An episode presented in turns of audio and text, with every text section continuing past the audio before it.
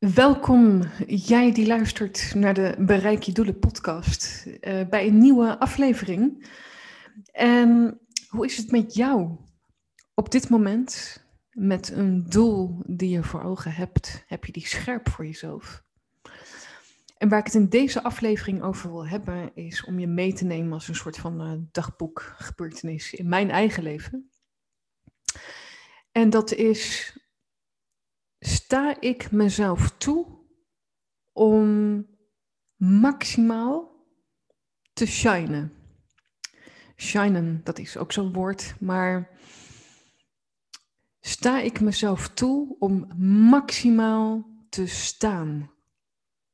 Maximaal te staan in wat ik uit te dragen heb vanuit mijn visie, vanuit mijn bereik je doelen model, boek, spel wat ik heb ontwikkeld mag ik nog meer gaan staan.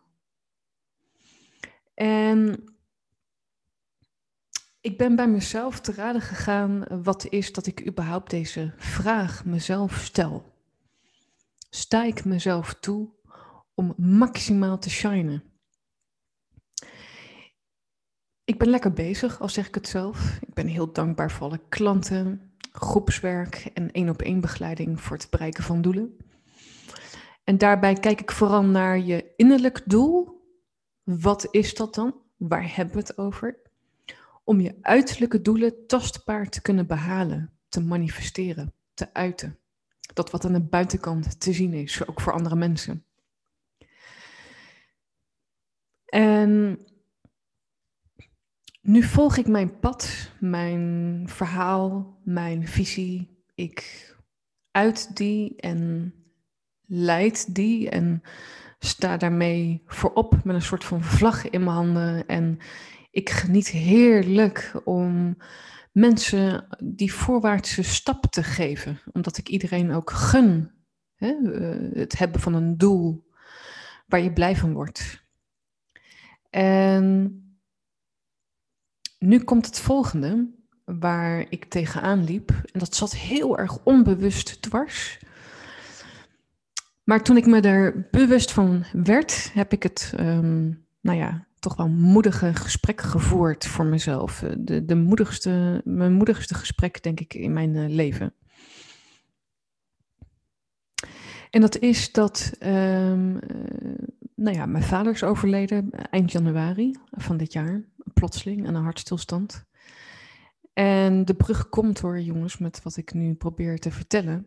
En dat is dat mijn moeder een rol speelt in sta ik mezelf toe om maximaal te mogen shinen.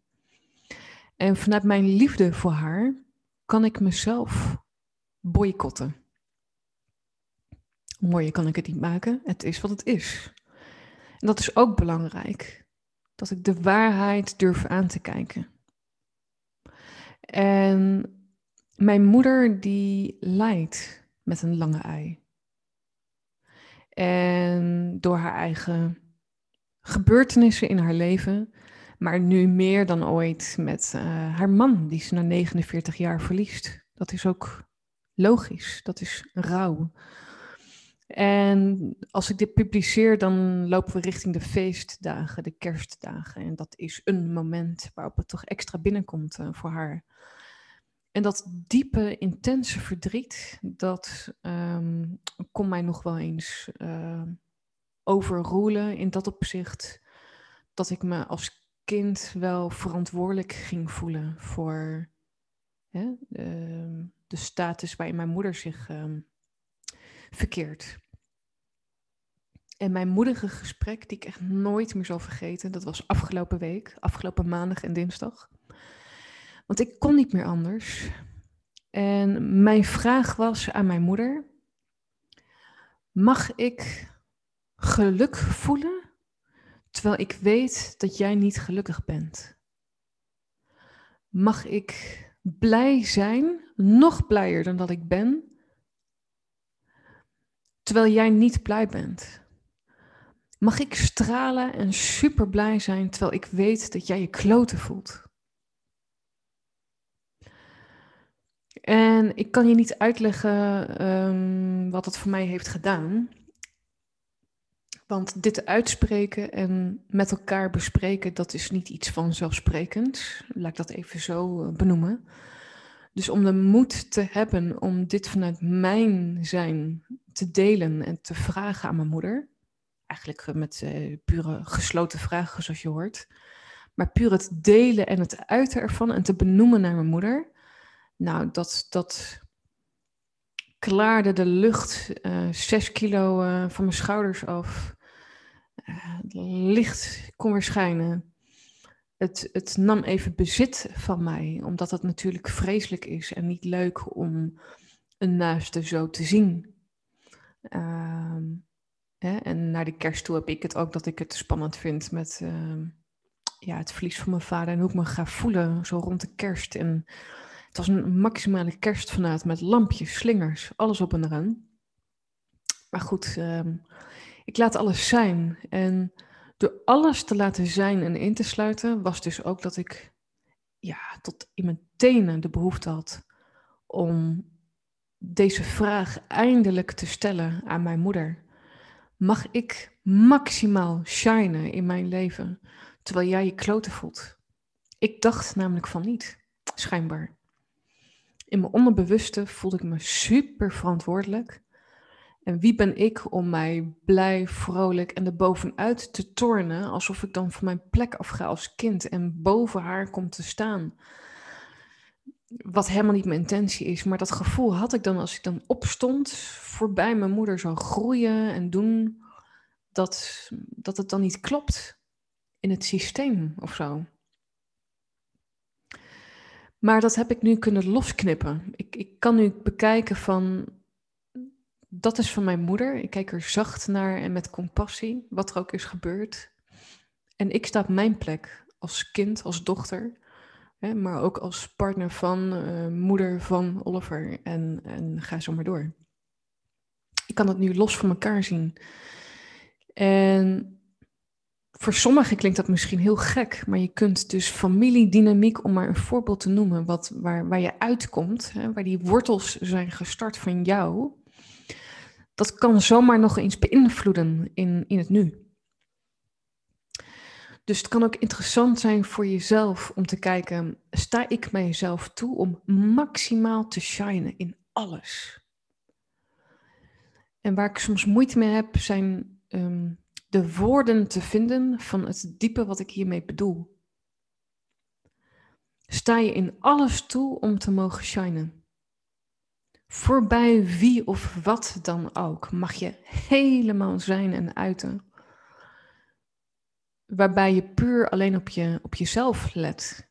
Natuurlijk hou je altijd rekening met mensen om je heen. Maar uit je en ben je vooral vanuit jezelf. Mag jij er zijn en staan vanuit jezelf.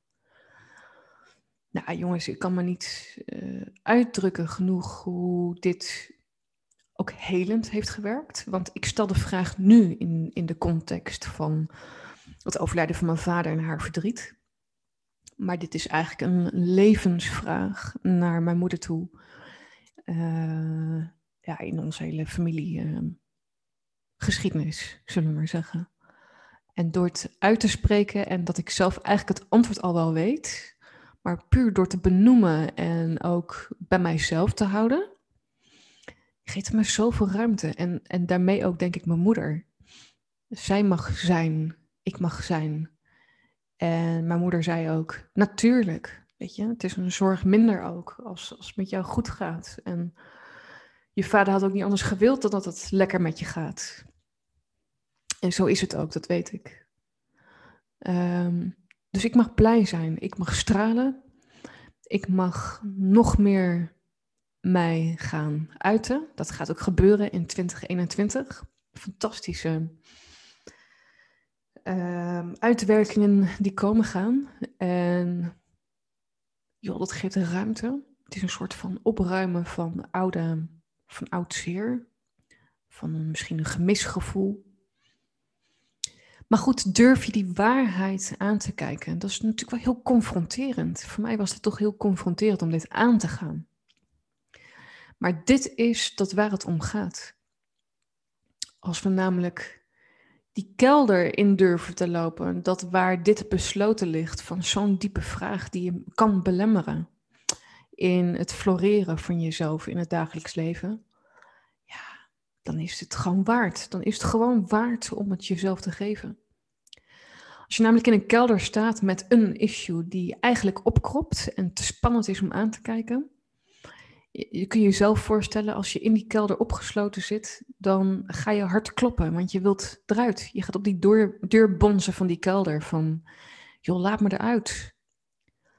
Dus iets wat je nog zo hard wegstopt, komt in een vorm eruit. Negatief, positief en alles ertussenin. Sta ik mezelf toe om maximaal te shinen? Het antwoord, lieve mensen, is volmondig ja. Ja. Ik sta mijzelf toe om maximaal te shinen.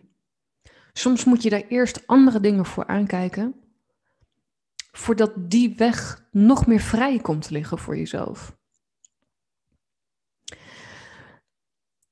Laat ook eens weten, als je deze aflevering beluistert voor jezelf, wat ligt op jouw weg momenteel naar een doel toe die je zo graag wel zou willen hebben? Maar wat ligt nu dwars door een gebeurtenis waar je naar mag kijken? Wat ligt misschien in die kelder, waardoor je eigenlijk kaart op die deur bonst van die kelder dat je eruit wil? En, en dat kan heel lastig zijn, maar het is zo de moeite waard om, om jezelf daarin aan te mogen kijken wat, waar je behoefte aan hebt om die belemmering op je weg open te breken en de weg nog meer vrij te maken. Ik kan je alleen maar zeggen, het is de moeite waard wat ik al zei en het is tegelijkertijd gewoon alles, want het draagt bij aan je eigen vitaliteit in, in alles. Het heeft volledige doorwerking gewoon in je eigen zijn en vitaliteit. Goed.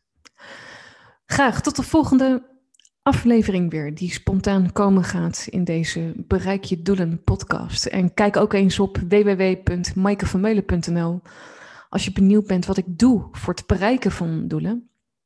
dus zowel persoonlijke sessies van mensen die ik begeleid en groepswerk uh, op dit gebied uh, als therapeut, coach en opleider. Um, leuk als je eens een kijkje neemt. En heb je vragen? Laat het mij vooral weten op info.maikevanmeulen.nl Tot de volgende aflevering. Voor jou.